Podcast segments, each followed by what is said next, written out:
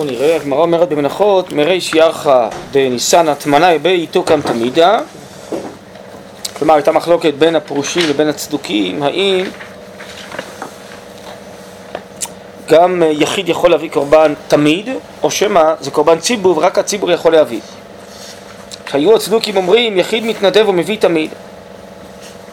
וניצחו חכמים שבא משל ציבור מתרומת הלשכה מתמניה בעצוף מועדה איתו תבחה כדי שבועיה. זה בעצם חלק, גם ציטוטים, מה שהיה נקרא מגילת תענית, ימים שעושים יום טוב על כל מיני דברים טובים שהראו, שניצחו החכמים את הצדוקים, עכשיו את הביתוסים. שבביתוסים אומרים עצרת אחר השבת.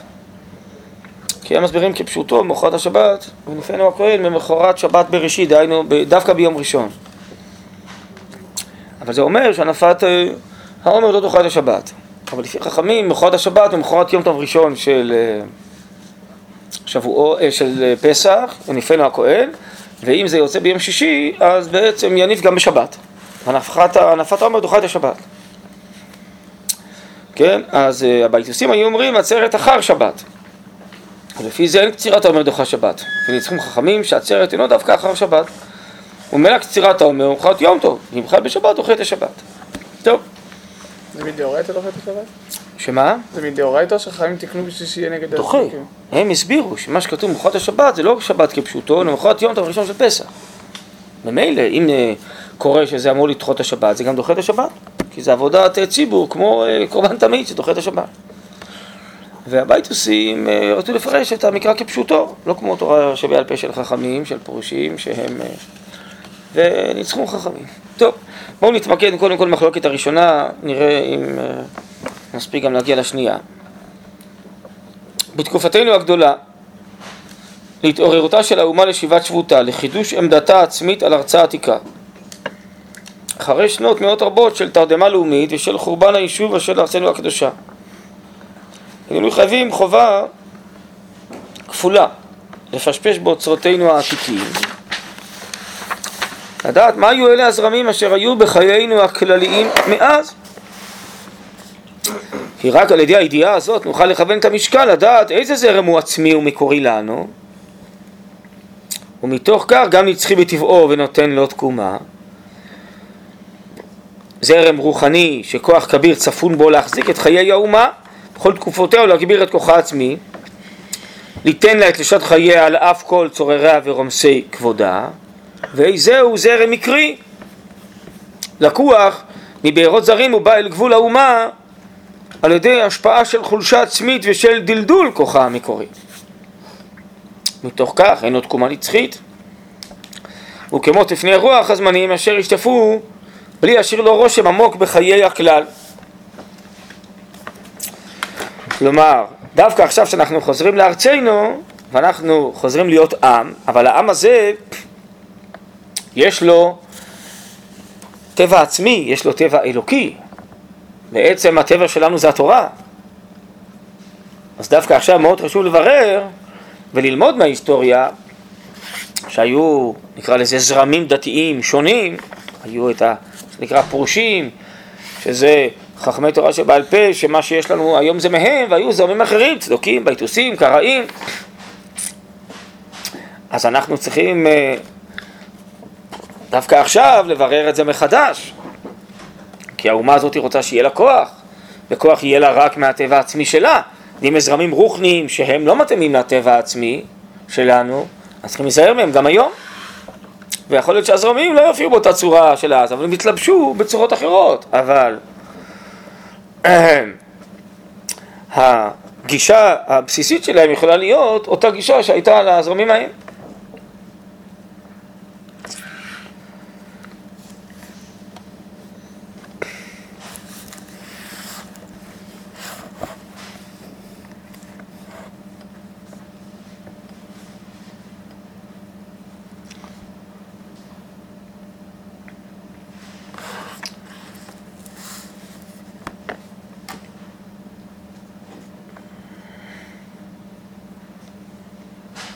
טוב, אולי נדלג. אה,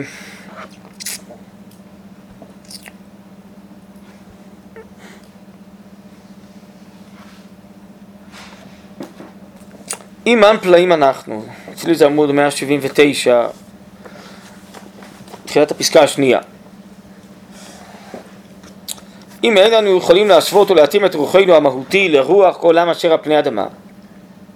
אם סוד קיומנו ספון בסגולתנו המיוחדת, אשר אם נהיה אנחנו חסרים, אין עם בעולם אשר ימלאנה.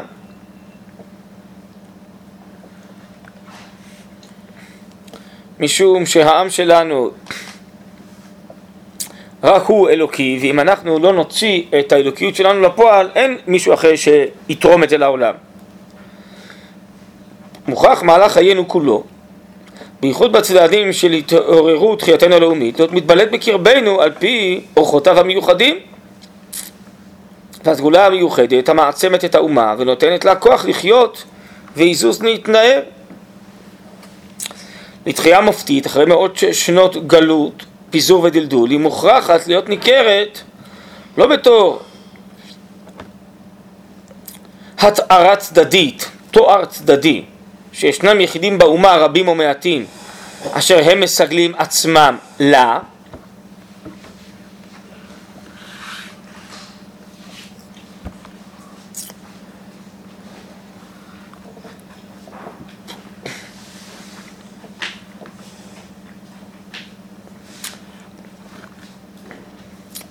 אבל דבר אין לה עם הכלל ועם האופי הציבורי ומהלכיו, כי אם בתור אותו הצביון היחידי, שהוא התוכן של נשמת האולה, האומה, סליחה, שהוא מוכרח להתבלט בכל אורחות חייה הרוחניים והמעשיים, בכללות המהות של העממות כולה. כלומר, האם הרוחניות, התורה, היא הנשמה הכללית של האומה, האם זה עניין לאומי, או שמא זה עניין פרטי של כל אדם. זה לא קשור לחיים הציבוריים שלו, זה לא קשור לשיתוף הציבורי הלאומי שלנו. יכול להיות שבסוף כולם ישמרו על התורה ועל המצוות, או רוב העם, אבל כהרבה יחידים שהתקבצו ביחד. או נקרא לזה אולי בשם של משל, הרוחניות, התורה, הקדושה, זה כמו הנשמה שמתחברת ללב של האדם ומהלב לכל האיברים. אם אין לו נשמה, אין לו חיות גם בכל האיברים. הנשמה והחיוניות שבאדם זה משהו כללי, בלי זה אין שום דבר, שום פרט אין. או שמא, כל הגוף של הלאומיות שלנו זה בני אדם, איברים איברים, הם לא קשורים לרוחניות של התורה, זה לא נשמת החיים של כולם, הם יכולים להסתדר גם בלי התורה. מי שרוצה באופן אישי פרטי בוחר בזה, אולי יבחרו בזה מעט, אולי הרבה. אבל זה לא קשור למהות הקיבוצית הלאומית, זה לא בונה את הגבייה הלאומית כולה. בסדר השאלה? האם זה עניין פרטי או עניין כללי? מיד הרב יראה שהצדוקים חשבו שהדת זה עניין פרטי. והפרושים החכמים הם סברו שזה עניין לאומי.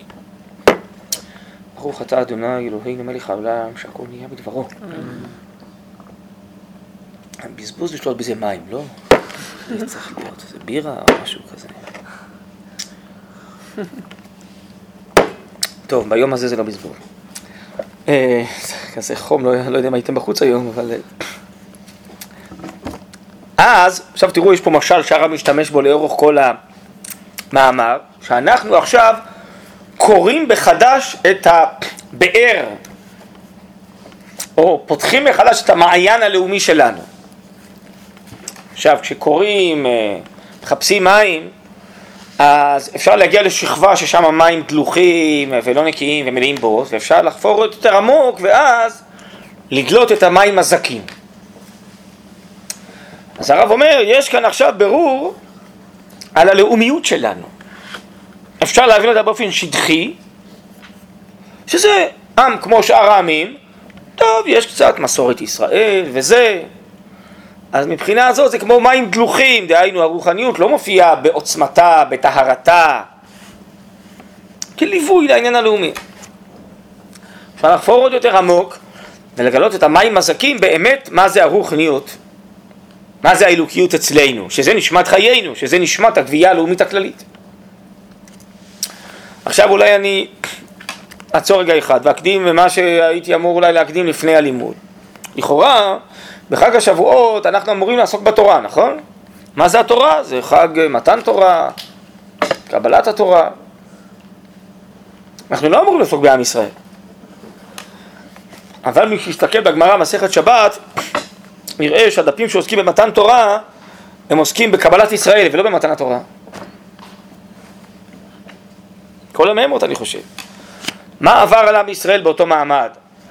פסקה זוהמתם, אה, הלכו לאחוריהם והמלאכים דחפו אותם קדימה, פרחה נשמתם, אה, אמרו נעשה ונשמע, כפה עליהם הר כגיגית. כל המהמות מיוחסות לעם ישראל. למה לא לתורה? קודם כל, התשובה הפשוטה שהמהר"ל אומר בספר תפארת ישראל, אם אין מקבל, אין נותן. אין לי מי לתת אם אין עם ישראל. אז בזכות עם ישראל ניתנה תורה. אבל אני חושב שהתשובה יותר עמוקה ונכונה, זה לא רק זה. זה ברור שזה מתחיל מזה באופן מציאותי. אבל אנחנו לא, יכול, לא יכולים להשיג במילואו בעולם הזה מה זה תורה. איך הרב כותב בסעיף א' של הוראות התורה, א' א', תורה שבכתב טסה מעלינו כל הזמן. זה אידיאל אלוקי עליון שקדם לעולם, קדם לעולמות, קדם גם לעולם הבא. גם עולם הבא מתחיים מכוחו של עולם הבא. נכון? כך כותב המהר"ל בנתיב התורה.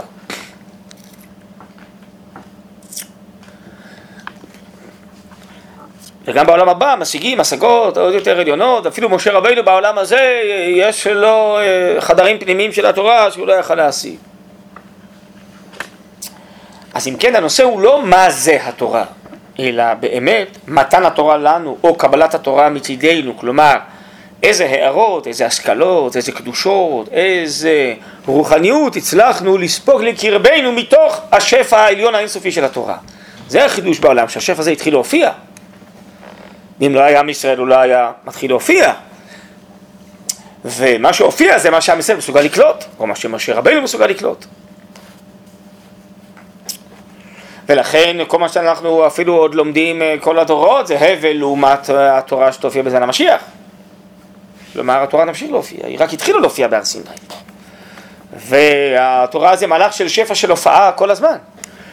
ודברי תורה פרים ורבים, וכל יום בת קול יוצאת מאחורי, ודברי תורה מתחדשים, פשטים מתחדשים כל יום, ויום ליום יביע אומר ולילה ללילה, ותמיד ותיק מחדש אה, מכוחו של משה, והכל בלי סוף, כן? אז לכן, הבירור הוא לא מה זה עצמיות התורה, אלא מה זה התורה בשבילנו, או נשאל את השאלה מזווית אחרת, מי אנחנו? אנחנו עם של תורה או עם אחר ש... מי שרוצה מתוכו בוחר בתורה. זה בעצם מה שחשבו הצדוקים. כשאנחנו עם כזה שהוא כל כולו צינור, כלי להכיל, להביא את השפע של התורה לעולם. זה בעצם יותר ברור מי אנחנו מאשר יותר ברור מי, מי זאת התורה. ולכן אומר הרב עכשיו, כשאנחנו חוזרים לארצנו להיות עם, חוזר הבירור. איזה סוג גם אנחנו? עם של המשך העם שהיה בסיני, המשך הופעת התורה, או עם רגיל אירופאי שמי שרוצה יבחר בתורה. עם המלצה חמה שלנו, אבל זה לא עניין לאומי.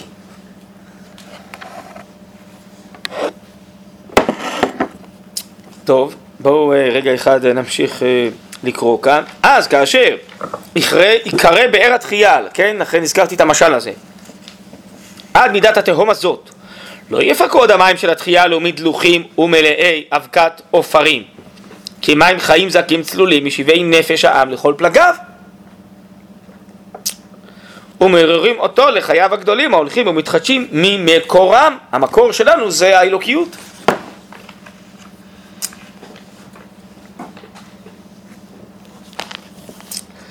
גם בתקופת הבית השני, בשובנו לארץ המורשה, אחרי המשבר הגדול של גלות בבל, כבר בא הצורך לכרות עמוק את מעיין החיים אשר להתחייה.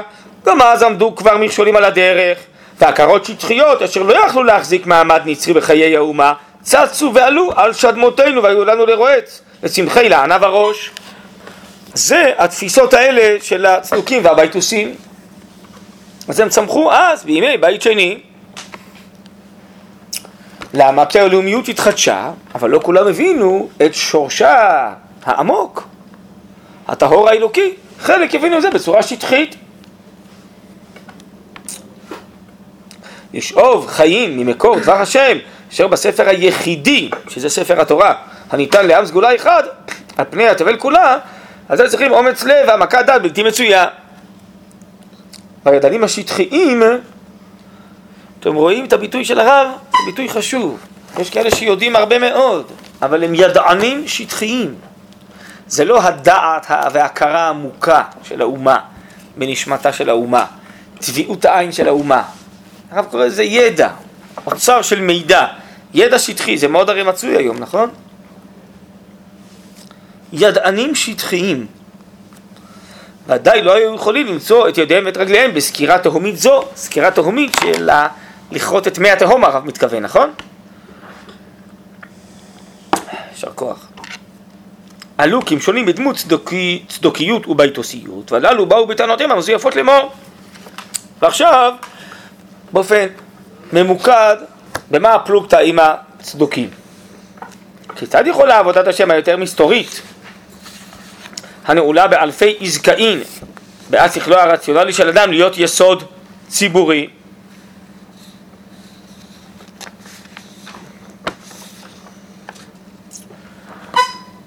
ככה הייתה הטענה הצדוקית. עבודת הקודש ודווקא יותר כללית ויותר סודית שלה צריכה לפי דעתם להיות דבר פרטי. יחיד מתנדב ומביא תמיד. קורבן התמיד זה קורבן מיוחד, ערב הבוקר זה מעלה את האומה, זה קורבן ציבור, קורבן תמיד. אבל גם היחיד יכול להתנדב. זאת היא ההשגה השטחית הצדוקית, שהננו עדיין אוכלים את הבוסר הצומח של גפן סדום זאת ושינינו קהות. אבל נצח ישראל ניצח וינצח, ואיתו קם תמידה, כי אמנם לא דבר פרטי הוא התוכן של עבודת הקודש בישראל, כי אם דבר ציבורי וכללי. ודבר העומד ברום חיי הלאום, ומחיה את הלאום כולו, ואי אפשר שיהיה יוצא מקשר החיים הזה כל אשר יחובר אל החיים באומה.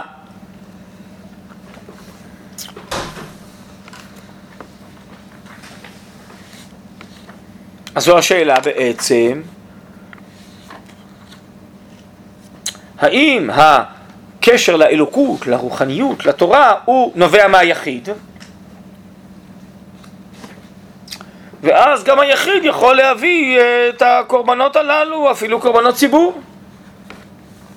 כי מה זה קורבנות ציבור בעצם? זה הבנה של המושג ציבור אחר, הרב מבאר את זה במשפט כהן, שההבנה של הציבור בעצם של הצדוקים הייתה שזה כמו שותפים, הרבה אנשים ביחד, מה זה ציבור? הרבה אנשים. זה כמו שהאדם הוא אה, חס וחלילה סך איברים.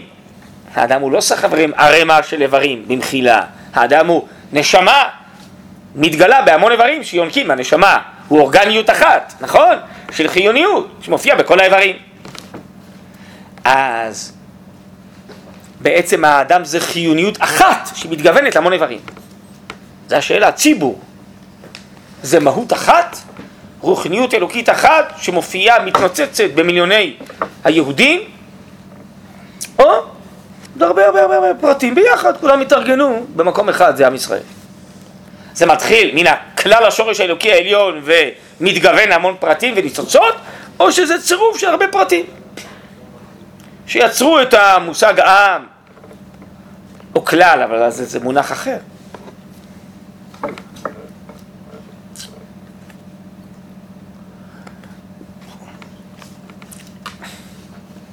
אז דווקא כשהאומה יצאה ממצרים,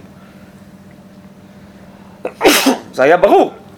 האומה חזרה בימי עזרא לא בכוחה הלאומי המרומם, לא בכוחה האלוקי המרומם, אז התחילו גמגומים. מי אנחנו? ביציאת מצרים זה היה ברור לגמרי שאנחנו מהות אחת ומה שמחיה אותנו זה השכינה, זה הנבואה, זה התורה מהר סיני, והמשכן והמקדש. לא הייתה שאלה. אבל כשבבית שני חזר רק איזה בת קול רוחנית, הרוחניות הייתה הרבה יותר חלשה ונמוכה במדרגתה, אז גם הייתה השאלה, אולי בכלל רק יחידים אה, יכולים להיות קשורים באותה רוחניות, או הרבה יחידים. אבל זה לא באמת נשמת האומה הכוללת. זה עבודה של הרבה אנשים פרטיים. ואותה שאלה, אומר הרב, היא חוזרת גם אה, בעצם בתקופה שלנו, הרב כתב את זה לפני מאה שנה, אבל אני חושב שהשאלה הזאת עדיין לא קיבלה את התשובה הברורה. הרב קוק הקים את הרבנות הראשית כאומר שבעצם הרוחניות של התורה היא כללית. וחיי התורה הציבוריים הם מתוך שורש אחד. אבל יש כאלה שאומרים, לא, הדת, המצוות, התורה זה עניין פרטי. אנשים פרטיים, במקרה הטוב, יתאגדו כמה פרטים לקהילה, היא הקהילות. בשביל מה צריך רבנות ראשית? בשביל מה צריך רב ראשי? יש רב לקהילה. הוא יעשה הכל. הוא יגייר, והוא יחתן, והוא ייתן כשרות, לא צריך. כשרות לאומית, לא צריך גיור לאומי, לא צריך נישואים וגירושים לאומיים, מתוך חקיקה, מתוך הרבנות הראשית. זו אותה שאלה עומדת על הפרק היום. כאן יש לי השלכות מאוד מעשיות. מה זה תורה ביחס לעם ישראל? זה נשמתנו הכללית, שזה מקור רוחני עליון, שכל פרט שרוצה להיאחז בזה, יאחז בזה. לכן במעבר בין פסח לחג השבועות, אז בפסח האומה נולדה מחדש, בחג השבועות היא צריכה לקבל את נשמתה, כי נשמתה של האומה זה רוחניות התורה. והשאלה היא, האם יש כזה דבר נשמה כללית לאומה, שזה התורה, זה רוחניותה, או שאין כזה דבר? זה רק עניין של אנשים פרטיים, שמי שרוצה יבחר בתורה. במאמר אחר כאן, מאמרי ראייה, הרב מסביר מזווית אחרת, למה התורה ניתנה בכפייה ולא בבחירה? כי אם זה בחירה זה מתחיל מאיתנו. זה בעצם מתחיל ממשהו אנושי, ואולי גם ייגמר במשהו אנושי. הפה שהוא הפר שעשה, הוא הפה שהתיר. מי שבחר בתורה כי זה היה חשוב לו וזה היה מועיל לו באותה תקופה, יכול גם לעזוב אותה, לא? כפייה זה אומר שזה מציאות טבעית, שהשם חקק, השם טבע, השם ככה ילד וברא אותנו. אז זה לא באסוציאציה הרגילה של בחירה וכפייה. כפייה זה לא נשמע טוב, הכוונה היא כמו שהשם ברא אותנו וכפה אותנו לחיות, נכון? אותו דבר, הוא ברא את נשמתנו הרוחנית של האומה, מה זה תורה? זה נקרא כפייה. אז אם כן זה טבע מוחלט אלוקי ולא מתחיל מאיתנו האנושי, וממילא התוצאה השנייה של זה זה המאמר הזה, זה משהו כללי ולא פרטי, כי בחירה זה לפרטים, טבע זה כללי לאומה. אז אם זה רק מתחיל מבחירה, אז זה פרטי. אם זה מתחיל מכפייה, שהשם ככה ברא את האומה הזאת שהיא אומה קדושה, שזה טבעה האלוקי הכללי, אז במילא זה גם לא עניין פרטי, זה עניין לאומי כללי. האם מי שנולד אה, בן לאיזו משפחה, הוא גם כן, יש שם כלליות באותה משפחה של גנטיקה, של תורשה, של אה, כל מיני אה, אמונות ודעות שעוברות, זורמות במשפחה הזאת מדורי דורות, נכון? הוא גם כן נטבל באיזה משהו כללי, נכון? במשפחה הפרטית שלו, בית אב הפרטי שלו. יש משפחת, זה משפחת עם ישראל. טוב, אז אני תיארתי רק תיאור נפשי, פסיכולוגי, תרבותי, פה זה תיאור נשמתי, מציאותי, טבעי. אבל המחלוקת הזאת היא עמוקה מאוד, זו השאלה אם זה מתחיל מן השמיים, מהמוחלט האלוקי, הוא מתחיל מאיתנו.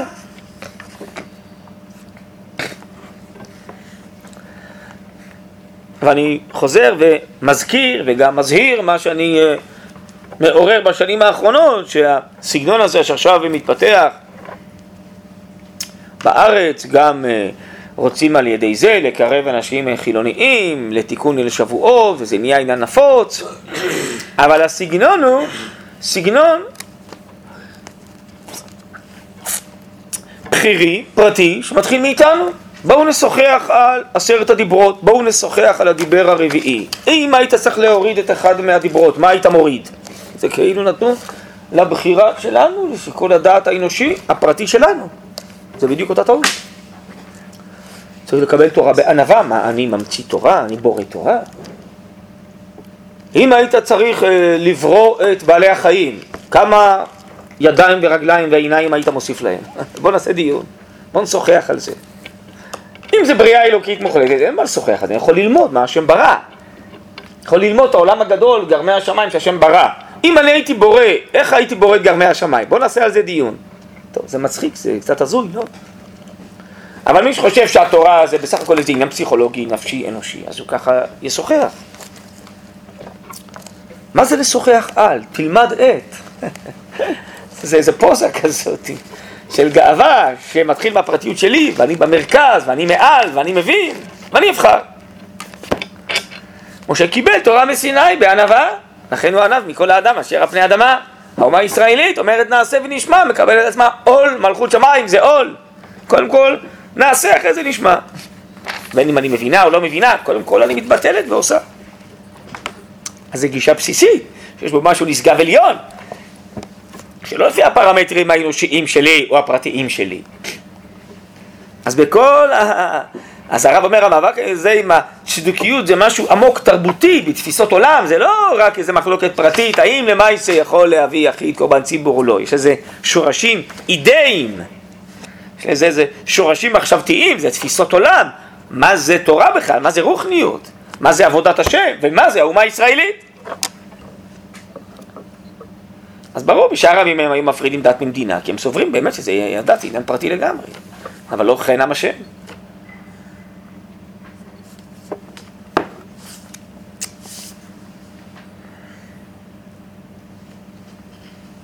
עכשיו עניין שני, בואו ננסה להספיק אותו בזריזות, זה המחלוקת עם הביתוסים. שם המחלוקת זה האם חקלאות, קצירת העומר, והנפתו דוחה שבת. עבודה חקלאית, מה פתאום, לא דוחה שבת. אבל אפשר להניח שהביתוסים לא היו חרדים יותר לקדושת שבת מאשר הפרושים, מאשר החכמים, נכון? בכל אופן החכמים אומרים דוחה שבת, כמו שקורבן תמיד דוחה שבת. למה? אז בואו, יש פה בירור, הרב אומר עכשיו מזה, צד אחר לגמרי. והלאה אנו צועדים, בואו נקרא, בעניין הארץ היסוד הראשי החקלאי. הלא יצא אל כל העמים רק גורם כלכלי חיוני פשוט.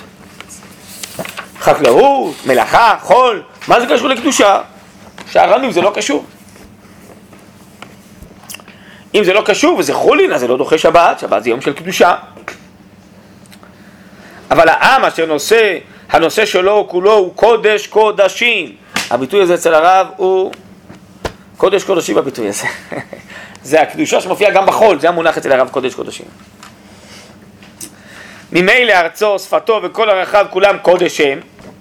אתם זוכרים את ה... עשינו פה בירור עם החתם סופר, לא למדנו את זה או לא למדנו את זה? נכון, נו, אז זה המשך הבירור הזה.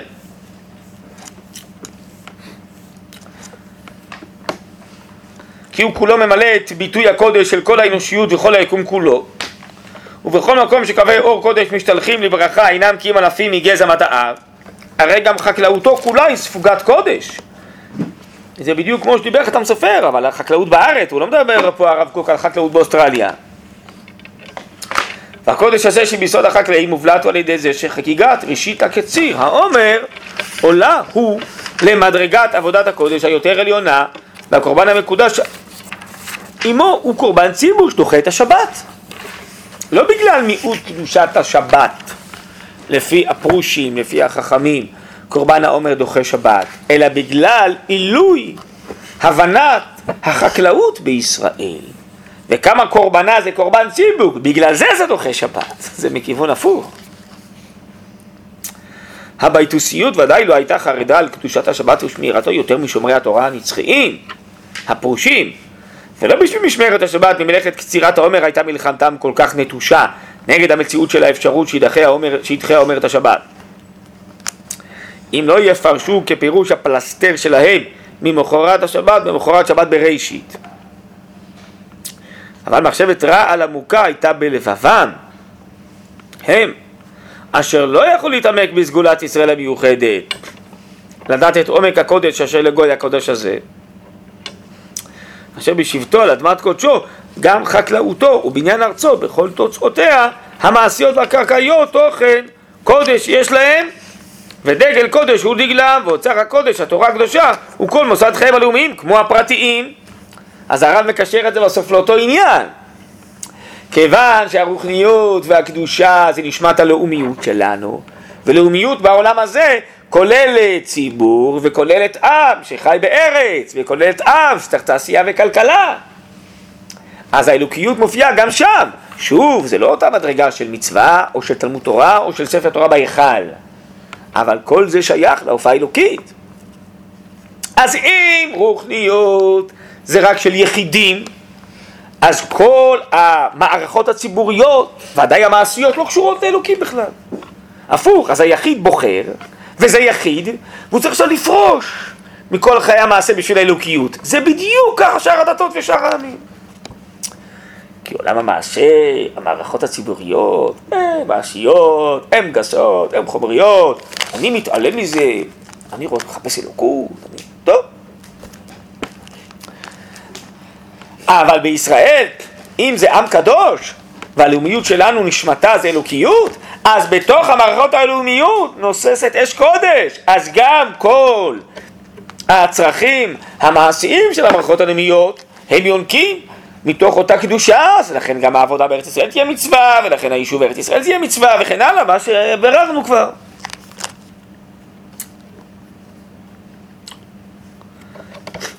זאת ידוע הכל כי השבת קודש היא, הוא לישראל. סליחה, והשביתה מכל מלאכה בו הוא חובה נמרצת. יוצא מן הכלל הוא רק התוכן של עבודת הקודש העליונה המסתורית, הספוגה אור קודשי קודשים, עבודת המקדש. טוב, אז כולם ידעו שקורבנות, קורבנות ציבור, קורבן התמיד דוחה את השבת, בסדר. אבל מי יהין לחשוב שתהיה החקלאות קשורה בקשר אמיץ עם עבודת הקודש העליונה הרזית השמאימית? ידוע כל כי אסורה היא. כל עבודה בכל מלאכה בשבת. ובחריש ובקציר תשבות, ואיך יכול הקורבן הבא בהחל לחמש בקמה להיות דוחה את השבת? אם לא הרמז הגדול שיש כאן, כי החקלאות הארץ ישראלית בישראל, יסוד יישובו ובניין נחלתו, נמשכת ממקור הקודש באומה, באומה קדושה זו.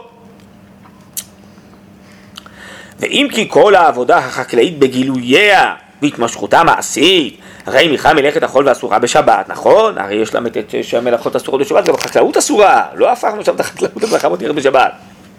אבל הקורבן של חגיגת ראשית הקציר מהחל חמש בהקמה מוכרח להיות עולה למדרגת הקודש של הציבור הקבועה דוחה השבת, כמו עבודת התלמיד. ואז האומה יודעת בכללותה איך לנצור את אישון עינה, את קודשיה כולם, את דבר השם אשר עימה, את התורה ואת המצוות שהם חי סגולתה. זאת לא יכלה הביתוסיות להקל. עיניה החלשות, אתם זוכרים, דיברנו על מים דלוחים, הבנת הלאומיות באופן שטחי.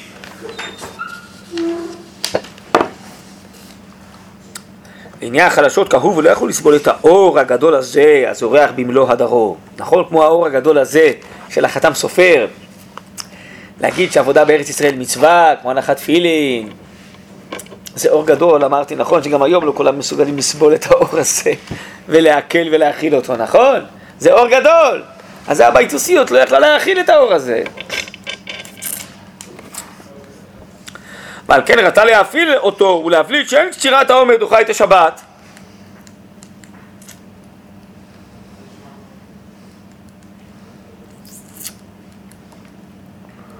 אין החקלאות עולה גם בישראל למדרגה של קודש קודשים. וממילא יתפוס בה החול הרגיל את מעמדו, ומזה תוכל כבר הדרגה להיות הולכת ויורדת עד כדי אפסיות של אור הקודש מחיי לאום, לקיבוץ היישובי. אם אותה תפיסה ביתוסית תתפשט, אז בעצם זה מנתק בין חיי החול לחיי הקודש שלנו. אבל ניצחו חכמים, ואיתו טוב חגא דשבועיה, ונודע לכל ישראל כי מאוחד השבת וממילא עד מאוחד השבת השביעית אין משמעותם שבת בראשית. אם יראה ראשית הקציר קורבן לא עומד להיות בשבת, דינו הוא כדין כל עבודת הקודש הקבועה, הציבורית, להיות דוחה את השבת. ומזה דווקא יבוא מקור חיים בקדושת השבת ושמירתו בכל צביונו וקדושת משפטי התורה וחוקיה בכל התרת קודשה מדבר השם מקדש השבת. ומזה גם כן אנו למדים כי רוח האומה כולה, בייחודה וכללותה, כולו קודש הוא, כי העם קדוש אתה נשם אלוקיך. וברוח המיוחד הזה אשר אין בכל העמים משלו, נקום ונתעודד, בכל ימי התבל ייתנו לנו כבוד ועוז ותחיית עולם תהיה לנו. ועידות הוא רוח בינה כי קדוש ישראל ומקור אישנו סלע. בחיי המצווה, התורה והמצווה כולם חיי הלאום כולו המה, זה נפקא מינה לשתי המחלוקות. ונגד המהרסים מכל הצדדים ונגד הקוראים השטחיים שלא הבינו ולא יבינו עוד את רוח האומה לכל עומקו. שהתאמצו ומתאמצים לעשות את עבודת הקודש ומשמרת התורה והמצוות כולה רק זה דבר פרטי באומה איתו קם לנו תמידה. הבא דווקא משל ציבור.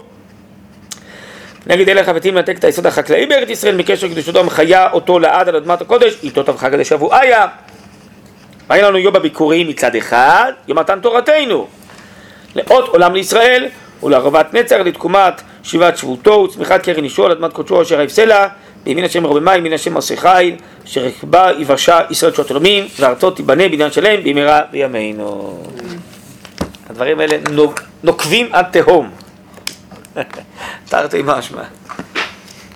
תלת משמע. כן. לא הבנתי שהרב אומר, אה, הוא אמר על החקלאות, על העניין של החקלאות, אז הוא אומר, אמנם החקלאות עצמה היא לא באמת דוחה שבת, ואז... על הקורבן שלה, קורבן של הנפת העומר, הקורבן דוחה את השבת. זה קורבן ציבור דוחה שבת, זה לא זה לא החקלאות דוחה שבת, זה. לא מראה על החקלאות עצמה. כן, אבל זה החגיגה, כאילו, הרב קורא לזה חגיגת ראשית החקלאות. קצירת העומר, ראשית הקציר דוחה את השבת. הנפת העומר זה קורבן, הנפת העומר. אז ממילא, קצירת העומר, שהוא ההכשר להנפתו, זה הקורבן של ראשית העומר, זה דוחה את השבת. קיבלנו עכשיו לתת את הערך האלוקי של החקלאות, לא החקלאות עצמה. הערך האלוקי של החקלאות דוחה את השבת, לא החקלאות בפועל. של הקורבן הציבור של החקלאות זה הערך האלוקי שלו. זה, זה, זה דוחה את השבת.